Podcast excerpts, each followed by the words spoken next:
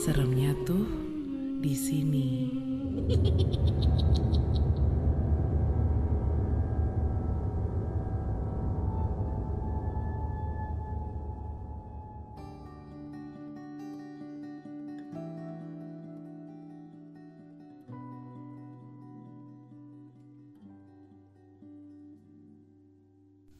Gue mau ceritain pengalaman gue waktu masih kuliah dulu.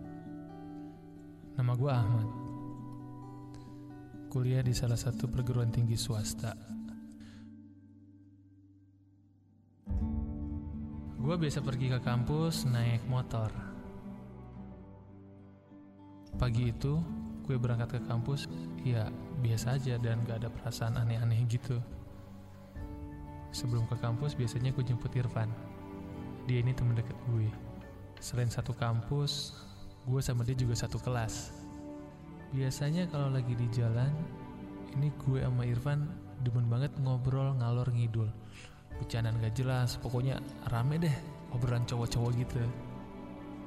Sampai akhirnya kita harus ngelewatin lorong jembatan rel kereta api.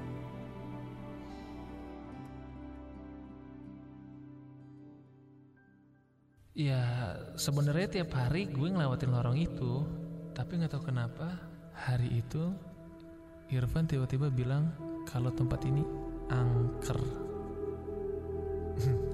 gue sih senyum doang dan kata-kata Irfan. Ya karena emang nggak pernah takut sama hal yang begituan.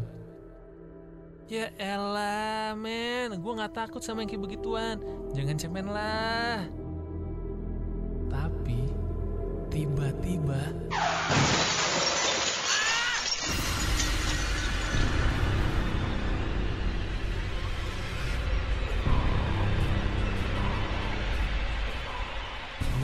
gue kehilangan kendali dan motor gue terpeleset dan akhirnya gue sama Irfan jatuh ke aspal imbasnya ya jalanan jadi macet karena orang-orang sekitar ngelilingin gue berdua.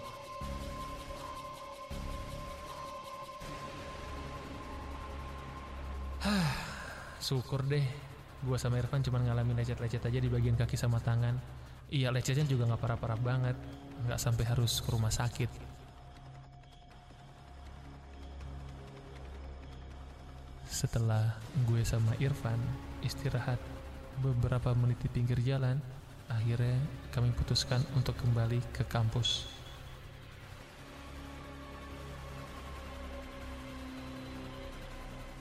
Pas gue nyampe kampus, gue istirahat sebentar di kantin sambil minta tolong sama beberapa teman gue buat beliin obat. Sambil bercanda-canda, Irfan sesekali nyalain gue karena kejadian tadi pagi. Dia bilang gue ngomong sembarangan, katanya waktu ngelawatin kolong jembatan. Ya gue tahu Irwan cuma bercanda, tapi gue jadi sedikit terpancing kata-katanya. Gue bilang kalau hal-hal kayak gitu tuh cuma omong kosong. Gue sama Irfan kepleset bukan karena ada penunggu tempat itu, bukan juga karena gue ngomong sembarangan, tapi karena emang banyak batu-batu kecil di situ. Gue tegasin hal itu terus ke Irfan. Iya, Irfan sih cuma ngeiyain ucapan gue tanpa banyak berkomentar. Siang itu gue nggak pulang bareng Irfan. Soalnya mau mampir dulu ke rumah temen yang lain di dekat kampus. Di sana gue ketiduran, baru kebangun di sore hari. Ya akhirnya gue telepon rumah dan gue minta izin pulang malam. Sekitar jam 10 gue pulang gue bawa motor gue ngelewatin jalan-jalan kecil. Tapi ya itu mau nggak mau gue tetap harus ngelewatin kolong jembatan rel lagi yang tadi pagi gue lewatin nggak tahu kenapa gue keinget kata-kata Irfan yang bilang kalau tempat ini angker. Tapi ya udahlah ya bodo amat deh. Gue tancap gas dan gue langsung masuk ke dalam kolong jembatan. Tiba-tiba Aduh, apalagi sini? Ah, nah apa sih ini motor pakai mogok gini? Men, motor gua mogok di dalam kolong jembatan. Kenapa harus mogok di sini? Bensin full. Aki juga baru ganti. Apa businya? Gue akhirnya pinggirin motor, terus gue lihat-lihat, ya mungkin ada yang salah dengan motor gue. Dan pas lagi gue ngecek, nggak tahu kenapa, tiba-tiba gue ngerasa kok hawanya dingin banget ya di sini. Pelan-pelan, gue lihat ke kiri, ke kanan.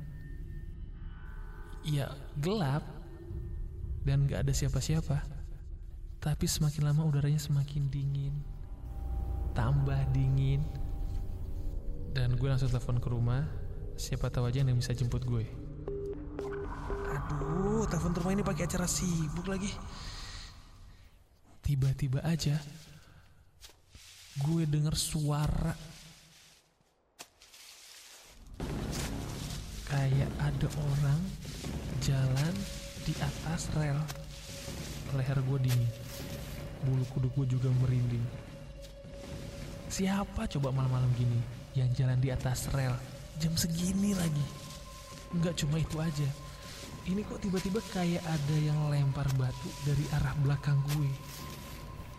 Gue nengok ke belakang pelan-pelan dan gue lihat ada cewek pakai baju putih, wajahnya putih pucat dan matanya berwarna merah. Rambutnya itu panjang dan sambil senyum dia bilang ke gue,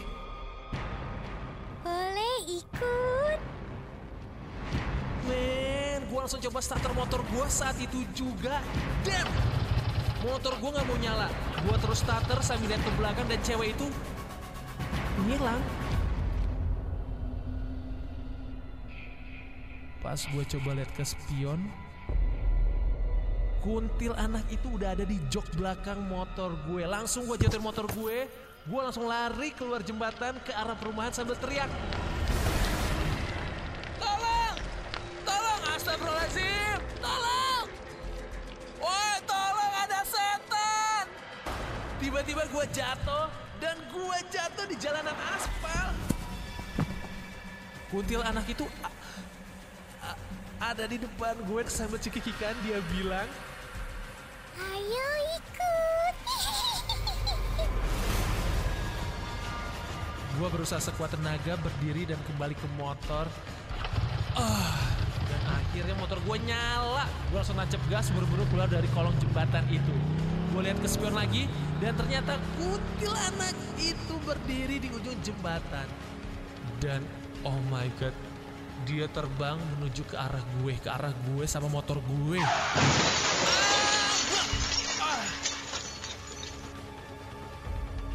Kali ini gue jatuh cukup parah sampai nggak sadarkan diri. Eh, waktu kebangun, gue nggak ada di rumah sakit atau di rumah, tapi di sebuah masjid yang dekat dengan kolong jembatan itu. Ada seorang bapak tua yang sedang membalut perban di beberapa bagian tubuh gue yang luka. Ternyata bapak ini adalah penjaga masjid. Dia bilang ke gue kalau dia bawa gue ke sini karena dia karena dia lihat gue seperti orang kesurupan dan akhirnya jatuh. Di belakang bapak itu, gue dengar ada beberapa orang yang ngomongnya sih pelan, tapi tetap kedengeran. Orang itu bilang, untung nggak sampai meninggal kayak yang kemarin. Dengar kata-kata itu gue cuma bisa nelen ludah sambil bersyukur dalam hati. Alhamdulillah. Iya, singkat cerita gue berhasil ngubungin rumah, akhirnya dijemput bokap dan langsung dibawa ke rumah sakit. Gue cuti beberapa hari nggak masuk kuliah. Waktu Irfan jenguk gue, gue ceritain semuanya. Dia cuma denger tanpa banyak ngomong.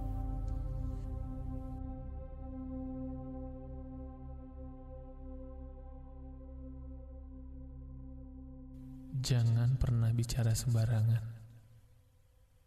Jangan menantang mereka, karena saat kamu bicara sembarangan, mungkin saat ini mereka di samping kamu.